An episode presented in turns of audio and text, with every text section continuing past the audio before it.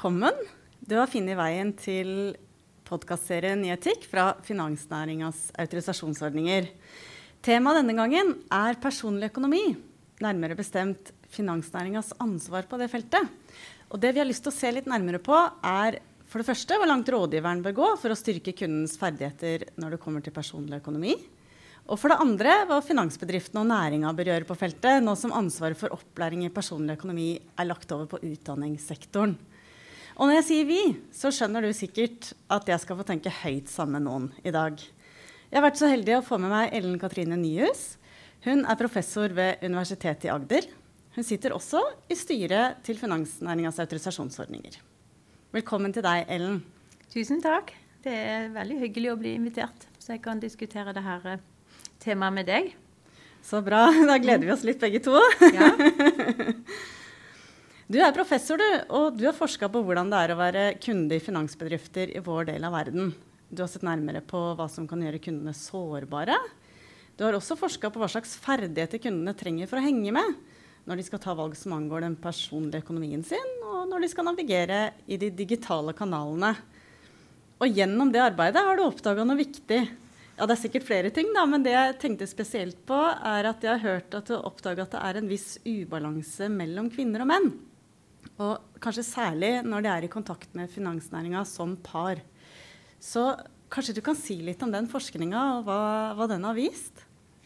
Ja, altså jeg har studert finansiell atferd eh, nesten hele karrieren min, så det er jo et tema jeg brenner for og jeg syns er veldig interessant. Så, så, et tema jeg holder på med, er, er, jo hvordan par deler penger seg imellom, som er veldig interessant å se på. Men nå eh, i de siste åra så har jeg studert eh, spesielt det her med hvor mye folk forstår, forstår om finans. da, eh, Finansiell kunnskap. Um, og det som er interessant med det, altså det er et stort internasjonalt forskningsfelt, og det vi ser er jo at det er veldig stor variasjon hvor mye folk skjønner. Eh, og at eh, lav kunnskap i noen spesielle grupper gjør at de er spesielt sårbare da, i møte med både finansmarkedet og ulike typer finansielle produkter. Så når vi gjør disse kartleggingene, da, så kan jeg jo begynne med å si at i internasjonale sammenhenger så kommer Norge ut eh, på topp. Eller vi har veldig høy finansiell kunnskap. Men så er det jo også sånn at det varierer mye mellom nordmenn. Så også i Norge så har vi grupper som er mer sårbare enn andre fordi at de, de eh, kan mindre. Og de mønstrene der er like i Norge som i andre land. Så det ene er jo det at det er de unge voksne, de som er Eh, blitt myndige, fra 18 til 30 kanskje, de har jo lavere kunnskapsnivå enn de som er eldre. Og det er jo litt synd, for de skal jo ta mange store eh, strategiske beslutninger. Sant? Om de skal ta utdanning eller ikke, og skal de låne til det? Skal de kjøpe bolig, og hvor stort boliglån osv. Det er store strategiske beslutninger, og de trenger å ha god kunnskap for å ta gode valg når de er unge. Og så får de jo kanskje tilbud om produkter de burde holde seg unna som, som kredittlån og forbrukslån f.eks. For så, mm. så de unge voksne trenger kunnskap, eh, og, og, mer kanskje enn det de har i dag. Så er det jo også forskjell mellom de med høy og lav utdanning. Sånn at de med lav utdanning eh, generelt vil være mer sårbare i møte med finansnæringen og finansprodukter. For det er jo ganske kompliserte kontrakter en må skrive under på og lese. Og det er jo regulert, så det må være sånn. For det, en må gi en viss mengde informasjon. Men en bør jo da sette alle i stand til å forstå den informasjonen som finansbedriftene er pålagt å gi. Mm. Men dere ser at de med høy utdanning har en fordel der da, som kunder? Absolutt. Men så er det jo det som har overraska meg mye, da. Og det er at det er store kjønnsforskjeller i Norge. Menn kan ganske mye mer finans, eller forstår finansbegreper ganske mye bedre enn kvinner. Eh, og det er også eh, vanlig internasjonalt. Men det som overrasker meg, er at det er så store kjønnsforskjeller i Norge når eh, gutter og jenter her får jo akkurat samme utdanning. De har lik tilgang til arbeidsmarkedet, og likevel så finner vi store forskjeller. Sånn at i en kartlegging som ble gjort av OECD i 2015, da var det med over 30 land, så var det faktisk i Norge vi hadde de største kjønnsforskjellene. Mm. Og det er et sånt paradoks som jeg sliter med å forstå. da. Hvorfor blir det sånn? Hva er det som skjer i oppveksten og eh, på skolen eller i hjemmene som gjør at kvinner ikke, lærer seg eh, ord som inflasjon, f.eks. For, eksempel. for det Mm. kan vi se på sånne spørsmål, så er det mye høyere score blant menn enn kvinner. Mm. Og det blir jo viktig å finne ut av, da. Ja, og grunnen til at vi er opptatt av det, her, er jo det at vi ser at det har sammenheng med eh, en god del finansielle beslutninger. Sånn at de som har lav kunnskap, har ofte høyere gjeld, høyere forbruksgjeld. De investerer mindre, så de får på en måte mindre avkastning på pengene sine hvis de har det. Og, så, de, så de gjør en del valg som gjør de mer sårbare, og det kan jo da gå utover velferden eh, etter hvert. Mm. Ikke sant? Eh, ja. Så det trenger jo ikke være noe problem i seg sjøl at det er forskjeller mellom menn og kvinner, f.eks. i, eh, i finansnæringa. Men det er jo når det Ja. Nei, altså det som er, jeg vet, For et par år siden så hadde jo DNB gått igjennom sin, eh, sine kundelister. Eh, eller kundedata og sett på, hva, eh, på kjønnsforskjeller der. Og der ser de jo det at det er jo menn som står da som eh, de som har tatt opp huslånet, det er de som investerer f.eks. i parforhold, mens kvinner i mye større grad eh, har, eh, tar seg av det daglige forbruket og de små beslutningene. Da. Og det kan godt hende at, at akkurat denne arbeidsdelingen da, mellom menn og kvinner har, har, er pga. dette her gapet i kunnskap. Da. At for mange kvinner syns kanskje det er mye Det er vanskelig å lese lånedokumentene eller sette seg inn i investeringer, og derfor så gjør de det ikke. Nettopp. Mm. Ja, Det er tankevekkende. Det er jo, vi har jo alle våre styrker og svakheter, og det er litt ulikt hva som engasjerer oss. Mm. Og det er sikkert en sammensatt virkelighet òg. Jeg kjenner jo f.eks. menn som sier at ikke de bryr seg om fotball. ikke sant? Det er jo en slags sånn forventning at menn skal være opptatt av fotball. Ja. Fordi det er mange av dem som er veldig opptatt av det, som er menn. Men så er det også noen kvinner blant de mest lidenskapelige fotballtilhengerne. ikke sant? Så det er jo en sammensatt virkelighet. Og sånn er det sikkert med personlig økonomi også. at Av og til er det kanskje dama som er mest frampå, og mannen som syns det er fint at hun ordner opp. Men jeg hører jo det at det er Det, er jo, legge- det, det, det oppstår jo en skeivhet da, mellom mann og kvinne når de er kunder i finansnæringa. Og og jeg tror du har vært med å avdekke at dette her kan få noen uheldige konsekvenser. Eh, ja, altså det er viktig det du sier å presisere at det er, jo gjennomsnittstall vi snakker om. Så det er klart det finnes mange kvinner som er kjempegode på finans og personlig økonomi, og mange menn som er, eh, ikke kan noen ting. Så det er snittall, men i gjennomsnitt så er jo, ligger mennene bedre an, da. Mm. Eh, og så skal en jo selvfølgelig ikke eh, moralisere over at, eh, at en spesialiserer seg i f.eks. et parforhold, for det er jo utrolig mye en skal eh, håndtere og sette seg inn i, og en skal ha tid til alt. Sånn at, eh, at, at en velger det, at den ene parten tar seg av det økonomiske, det, det kan jo det være veldig mange gode grunner til. Men akkurat i forhold til økonomi så ser vi jo også at det er en god del advokater som har slått alarm. Eh, fordi at de ser at det blir mye skjevdeling av formue ved skilsmisse da, i kvinners disfavør. Og det de får høre da, er jo at eh, eh, Og det har hatt å gjøre med at det er mannen som har hatt bolig og boliglån, og kvinner har ofte tatt seg mer av de daglige utgiftene og hatt på en måte forbruket, sånn at de har ikke noe sparing eller noen store eh, eiendeler som står i deres navn. Eh, og da har de ofte sagt at de kunne ønske jeg visste det. Så de har gjort, gjort og gått med på denne ordninga litt mot bedre vitende, da. Eh, så selv om det kan være veldig lurt at det er én partner som ser på forsikringsordninger eller finner gode tilbydere av boliglån, og sånn, så, så er det, lur, det er ikke lurt at den andre parten på en måte helt slipper det og ikke engasjerer seg. Så en god del eh, av disse beslutningene bør en ta sammen. Selv om en god del av det arbeidet forbundet med det, kan de kanskje fordele mellom seg. Um, det er jo også sånn at mange kvinner velger å jobbe deltid, f.eks. Uh, kan, kanskje uten å tenke på hvilke konsekvenser det har for pensjonsrettigheter, og hva en vil få eh, når en blir gammel. Hvis en holder sammen, så er det jo kanskje ikke et problem, for da kan en dele den felles opparbeidede pensjonen. Men pensjonen er individuell, og hvis den går fra hverandre, så, er det jo, så følger det den personen som har tjent dem opp. Ikke sant? Eh, ja, så det er jo et problem da, hvis en har eh, gått ut av arbeidslivet for å, for å oppdra barn og ta seg hjemme, eh, at en kan bli en taper på pensjonssiden. Så da Mm. er det jo noe med å være litt eh, eh, aktiv selv da, og tenke at ja, OK, jeg blir hjemme, men da skal jeg ha en egen privat pensjonsordning. Sånn at vi betaler inn til den, sånn at min fremtid også blir sikret. Ja. Men det slår meg at det er veldig viktig å se på det her, da, eh, med så store forskjeller som du forklarer. Og dette er jo ganske vanlige forskjeller. Det er jo ikke sære eksempler, det er jo liksom store tall bak. Ja, det er veldig store tall, veldig ja. store konsekvenser. Og, og hvis en syns det er vanskelig, så er det fordi en ikke helt forstår det, og det, og det, inn, det, innebærer kanskje mange ord. Altså Det er jo et eget vokabular i finans ja.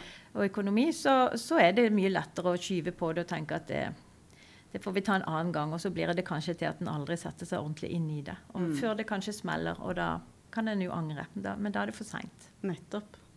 Så, så, da er det jo et viktig spørsmål. da, Hva bør rådgiveren gjøre når kunden er nettopp et sånn par der det kanskje kan oppstå en ubalanse mellom de to, der den ene kan mer, er mer interessert og framoverlent, og sannsynligvis kommer til å komme bedre ut av det over tid det er jo ikke helt opplagt hva som skal gjøres her, tenker jeg. fordi akkurat hvordan kjærester og samboere ektefeller fordeler mm. oppgavene seg imellom, det er jo egentlig litt privat.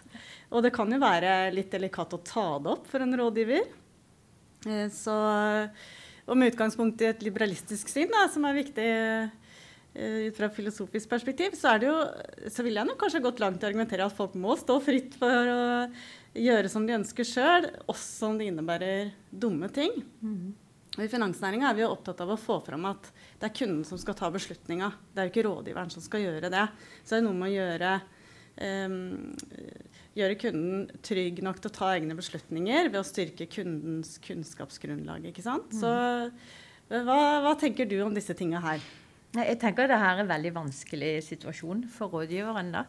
Så um for jeg tenker Hvis begge partene da, i et forhold kommer eh, til rådgivning, så, og den ene kan mye mer enn den andre, så, så, kan det jo være altså det er lettere for rådgiveren å kommunisere med den parten som kan mest. Så det, jeg kan godt se for meg at det eh, nesten ubevisst, selv om en kanskje ikke mener det sånn, at den, at den henvender seg mest til den ene, sånn at den andre blir på en måte pasifisert litt og kanskje ikke eh, får ta de like stor del av samtalen, hvis ikke de selv er litt frempå og spør mye. da. Det er jo mm. noen som er flinke til å gjøre det, mm. eh, og, og, på en måte forlanger å få forstå. Mm. Eh, og da er det jo lettere for en rådgiver å, å, forklare, da, hvis det er på initiativ. Men hvis det er en som ikke har selvtilliten og ikke tør å spørre, så er det jo opp til rådgiveren å kanskje passe på at den parten også forstår. Mm. For det er jo klart de skal jo få innrette seg slik som de vil.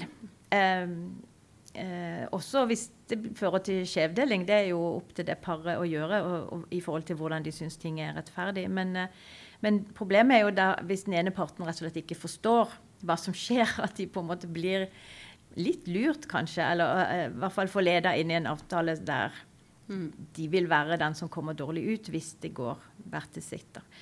Så da bør jo kanskje rådgiveren i det minste prøve å forklare konsekvensene på et eller annet vis, og, så, og se om, om, om eh, den som blir, den, kanskje den uheldige parten reagerer på det og kanskje vil vite mer og spørre mer. Mm. For det, det, er den private sfære, så det er veldig vanskelig å, å, gripe inn. Men så skal jo en rådgiver gi gode råd til alle kunder, da. Så det er jo, der, eh, det, er jo det som blir litt vanskelig. Ja, men det er jo et godt poeng, da. Og og kanskje noe av kilden til problemet her er at den ene kunden kan sies å ha et slags kunnskapsovertak på den andre. Ja. Mm. Uh, og det vil jo si at den andre kan komme til å ta dårlige beslutninger fordi den personen ikke vet bedre. Og kanskje til og med bli lurt uten å skjønne at det skjer. Og det mm. er jo alvorlig. Ja, det er jo det. Uh, og det forskninga de viser, er jo at det typisk er sånn at uh, det er mannen da, som har det beste utgangspunktet for å ta gode beslutninger når det gjelder personlig økonomi, og når det her ikke bare er et utslag av tilfeldigheter, men uh, at det ser ut til å være et mønster som går igjen. Mm. Da kan en kanskje si at finansnæringa, som er en økonomispesialist, da, den store spesialisten på samfunnsnivå, har et ansvar for å utjevne systematiske forskjeller. Ja, altså jeg syns jo eh, først og fremst at det er noe skolen skal ta seg av. Det, eh, og at opplæring i privatøkonomi blir et eget fag i skolen. Der, for det er så utrolig mye de skal lære, og det må bygge altså Noe kunnskap må bygge på tidligere kunnskap. Så det er jo et, på en måte et program i grunnskole videregående som ville vært det ideelle. Sånn at en kan gi ny, altså, ny, innsikt. Etter hvert som de kanskje har lært seg å lese og de har lært seg å regne, så kan de stadig forstå mer av økonomi også. Og så det, det er på en måte lettest å integrere det i skolen sammen med alle de andre fagene, og der en har pedagoger som er gode til å forklare. og uh, ja, Det er best de står for opplæringen, da. Mm. Uh, nå, skal, nå, er jo dette på plass da, i de nye læreplanene fra 2020. Det er en del av det faget som kalles for livsmestring. Men, eh, men eh, jeg syns jo at faget kan styrkes ytterligere. Da. For det var ikke så veldig mye forståelse av finansielle begreper f.eks. Og, og mye av det som en, en, ung voksen vil møte i lånekontrakter f.eks. I, eh, i, i, dette pensumet. Så jeg tenker at det, går, det er mye igjen som eh, en bør lære for at en skal kunne si at en kan forvalte økonomien sin på en god måte. Um, så det er jo også viktig synes jeg, at lærerne får mer opplæring i økonomi, da, sånn at de eh, blir gode pedagoger også på dette feltet. Mm. Um, men jeg tenker at finansnæringen er jo fremdeles en viktig part. Uh, mm. Og jeg vet jo at det er utrolig mange uh, unge voksne som har fått sin skikkelige uh, opplæring første gang. Det har jo vært en, hos en rådgiver i bank når de har søkt om lån til sin første bolig, og så har rådgiveren sittet med de og laget et budsjett. Og det har vært eh, veldig viktig for mange. og de har, Det har vært en oppvåkning da, i forhold til bare å vite hvor mye ting koster, og, og, hva de må passe på, og hva de må ha penger til. Masse sånne praktiske ting de aldri har mm. fått lært av noen andre tidligere. Da. Så, så, rådgivning i bank er fremdeles en viktig kilde til læring. Og mange vil jo også si at det er da du er mest motivert til å lære. Akkurat når du har behov for kunnskapen, så er du på en måte det er da du er mottakelig. Ja. Så sånn sett så er den eh, kontakten en har med banken eller en eh, annen finansinstitusjon akkurat på en måte i, i det du er i, i kjøpsmodus eller lånemodus, mm. veldig viktig. Mm. Og det du sier der, taler jo for at rådgivning bør fortsatt være gratis. Ja, for da er det tilgjengelig for alle. Ja, det er jo det. Det er jo mm. dyrt for banken å tilby det. Det tar mm. jo veldig mye tid. Mm. Uh, men uh, men det er viktig. Og jeg, og jeg tenker antagelig så vil det lønne seg på sikt fordi de får mindre tap. ja. Mm. Og så er det en sånn viktig opplæringsbit i det, da. Eh, som, som, som det ser ut til å være behov for. Ja. Så, så tenker litt på rådgiveren igjen, da. Um, du sa noe fint om det at rådgiveren Det er jo viktig at rådgiveren liksom ikke bare snakker til den som virker å forstå det best. Mm. Um, det blir jo da viktig kanskje at rådgiveren får forsikra seg om at den kunden som sier minst eller virker mest usikker eller um, ja, forsikre seg om at den kunden også er med i samtalen. da, Invitere ja. personen inn og ja. forsikre seg om at uh, avtaler og betingelser er forstått og alterna de alternativene står mellom og sånn. Og da kan man jo kanskje si at ja, men er det riktig å bruke mer tid på en kunde enn en annen. Vet du, rådgiveren i finansnæringa er jo drilla i likhetsprinsippet. Ja, ja, ja. Det etiske prinsippet.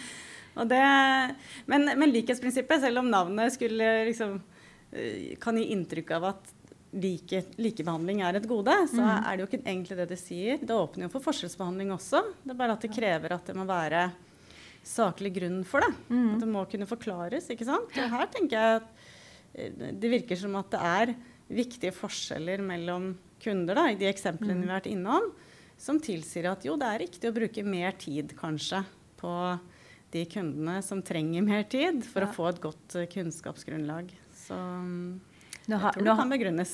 Ja, jeg har jo inntrykk av at, at kundene nesten uh, selekterer litt, seg selv litt inn i forskjellige kundegrupper. Da, for det er jo noen som liker å gå til de digitale bankene, og de fikser jo alt sjøl. De, de, får jo ikke rådgivning, for de vet selv hvor mm. mye de vil låne, og hva de kan låne. Og, og ordne. Så jeg tenker det De som trenger mest rådgivning, de er nok kanskje de som går og, og ber om å få rådgivning, og, og, som kanskje går til bankene, som, som er flinke til å tilby dette. Ja. ja.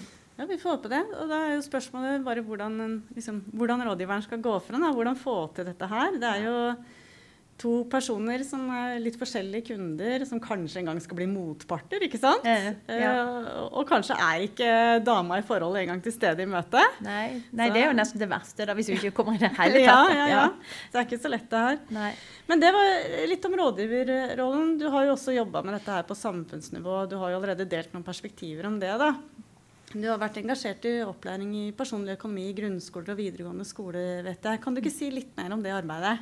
Ja. Eh, det som jeg var engasjert i da, det er jo det som eh, fin, eh, Finans Norge har stått for, da, med, med Hilde Johansen som primusmotor. Det var jo eh, Hun tok initiativ til å organisere alle de banker eller finansinstitusjoner da, som tilbyr noe opplæring i økonomi, sånn at de fikk laga et sånt lite skolenettverk der de kunne utveksle erfaringer og kanskje undervisningsopplegg. Eh, og så har hun jo også på en måte fått samla kreftene her da, til å lobbe litt mer mot eh, de som skulle utvikle nye læreplaner. Da. Og det lykkes jo da med at det kom mer økonomi inn på, på pensum da, for skolen. Så det syns jeg har vært kjempebra. Og, og Hilde Johansen har jo virkelig stått på for å promotere det å få eh, mer finans inn i skolen. Og det vil jo kanskje da hjelpe for rådgiverne seinere, hvis det er sånn at alle, både gutter og jenter, har fått god opplæring, så vil det jo kanskje være mer lik kunnskap blant de når de kommer for rådgivning. Ja. Ja, så, det, så, DNB har jo også jobbet mye med det. Eh, de lagde jo det her lærepengeopplegget sitt, som de prøvde å kjøre ut til utrolig mange skoler i landet. Ikke bare, de er jo en um, nasjonal bank. For mange Sparebanker vil jo som regel gå i sitt lokale miljø, men, men DNB har jo laget eh, et opplegg som de virkelig prøvde å promotere til, til alle skoler. Mm.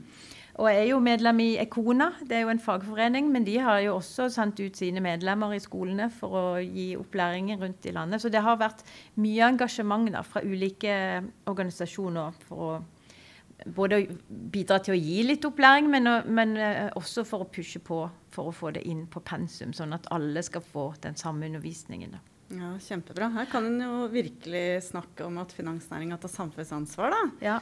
Eh, og det her gir god mening, eh, spør du meg. Mm. Sjøl har jeg veldig sans for en sånn tilnærming til næringslivets samfunnsansvar. At uh, aktørene spør seg sjøl hvordan kan bedriften vår eller den næringa vi er en del av, bruke den kompetansen vi har, og den posisjonen vi har, og de ressursene vi har, til å gjøre noe godt for fellesskapet? Mm. For det er sannsynligvis der en har de beste mulighetene til å få til noe. Ja. Så kan en gjerne gå videre også og donere penger til gode formål og sånn, men det er nok ved å gjøre det en er skikkelig god til, eh, at en oppnår de beste resultatene. Og hvis en finner fram til lønnsomme måter å gjøre det her på, da, så kan en jo bare holde på. Eh, da har vi et maskineri som går og går, og som gir og gir. Ja. Eh, men du nevnte for meg, Ellen, at opplæring i personlig økonomi har en litt annen form i dag enn før. Det er utdanningssektoren som har tatt over nå, er det ikke egentlig det? Eh, jo. Så Finansnæringa er liksom mindre inne, har en litt mindre rolle. Og de mener kanskje at ansvaret for opplæring i personlig økonomi skal At de skal klare seg der uten å ha finansnæringa med på laget, eller? Ja, eh, jeg vet Kona for eksempel, de på en måte hadde en litt sånn avslutning av sitt program og så sa at nå gir vi stafettpinnen over til Kunnskapsdepartementet. Så det er noen som har avslutta og liksom følt at nå har vi jobba fram eh, dette med at det kom inn på, på, planene, så nå trenger ikke vi å drive like mye opplæring. Men jeg, altså på en måte så, jeg syns jo at det alltid vil være best å ha de på skolen. For det, at mange, det mange banker gjør, det er jo ofte regionalt. At det er til de skolene som er i, bankens nærhet. Så det er litt tilfeldig hvem som får opplæringen og ikke. Eh, og så vet jeg også en del rektorer har sagt nei, fordi de føler det er elementer av markedsføring inne, så de vil ikke slippe det inn. Så det, mm. det er litt for um, Vi vet litt for lite om hvem som vil få opplæringen. og det Noen vil kanskje få flere banker på besøk, andre vil få ingen. da. Så, ja. så derfor så vil det være litt for ustabil på en måte å basere seg på den opplæringen. da. Så jeg, så jeg, jo, jeg syns jo at det skal være en sånn grunnopplæring i skolens regi. Også, men så gjør det jo absolutt ingenting om, om eh, det kommer besøk fra finansnæringen. Og, for jeg tenker De har ofte veldig praktiske og uh, gode eksempler og kan mm. virkelig eh, gjøre stoffet levende for elevene. Da. Så jeg, jeg, tenker at det trenger ikke være noe enten-eller, det kan være både og. Mm. Um, og, og, så syns jeg jo også i forhold til det med at, at de kanskje er litt ulne, disse læringsmålene som de har nå. For det er mye det at de skal reflektere over sammenhenger. Eh, kanskje vurdere hvordan arbeid, inntekt og forbruk kan påvirke personlig økonomi. Det er veldig lite liksom, som konkrete kunnskapsmål da, mm. som, som eh, vil kanskje gjøre de i stand til å lese disse lånekontraktene og liksom skjønne eh, alle momenter de må ta stilling til da, når de når de blir myndige og, og får veldig mange tilbud fra finansinstitusjoner. Så, så ja, jeg syns det er veldig bra at finansnæringen har tatt dette ansvaret. Og jeg syns det er kjempebra at de pusher, og så syns jeg de skal fortsette å, å, prøve å lære opp kundene sine. Eh, for det er fremdeles veldig mye mer de må lære, og, det kan jo, og, og, og en kan jo gjøre det ganske komplekst også hvis en skal begynne med å lære de i å kunne investere og forvalte formue, så er det faktisk veldig mye en skal kunne. Mm. Ja. Ja, Godt poeng. Og det, Ut fra den fine oppsummeringa der, da, så låter det jo som at finansnæringa fortsatt har en rolle å spille her. Ja. Eh, det er finansnæringa som er spesialist i personlig økonomi. Så hvis representanter for næringa og forskninga sier at uh, læringsmåla ikke er ambisiøse nok, eller at kunnskapsgrunnlaget til de unge er for dårlig, mm. da håper jeg beslutningstakerne lytter. Ja, det, jeg håper også det. Ja. ja. Da er vi ved veis ende for denne gang. Tusen takk, Ellen, for at du kom og for at du delte viktige innsikter og erfaringer med lytterne. Dette tror jeg treffer godt. Vi høres igjen. Snart også, håper jeg. Hver samtale i den serien her har gitt ny innsikt, men også reist nye spørsmål. Så jeg tror vi kan si på gjenhør.